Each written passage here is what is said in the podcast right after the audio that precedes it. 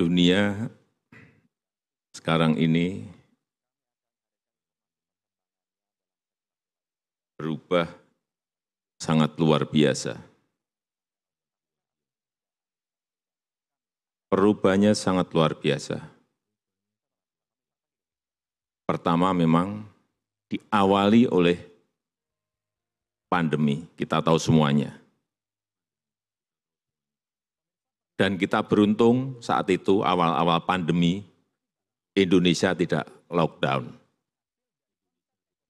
Saya enggak bisa memperkirakan kalau kita saat itu melakukan lockdown.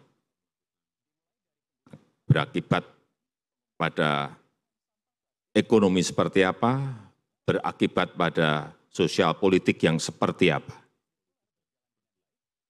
Karena memang awal-awal hampir mungkin 70 negara semuanya melakukan lockdown. Di kabinet sendiri 80 persen mintanya lockdown. Survei juga rakyat minta lebih dari 80 persen lockdown. Tapi saat itu saya semedi. Saya endapkan betul maka benar kita melakukan, harus melakukan itu. Dan jawabannya saat itu saya jawab, tidak usah lockdown.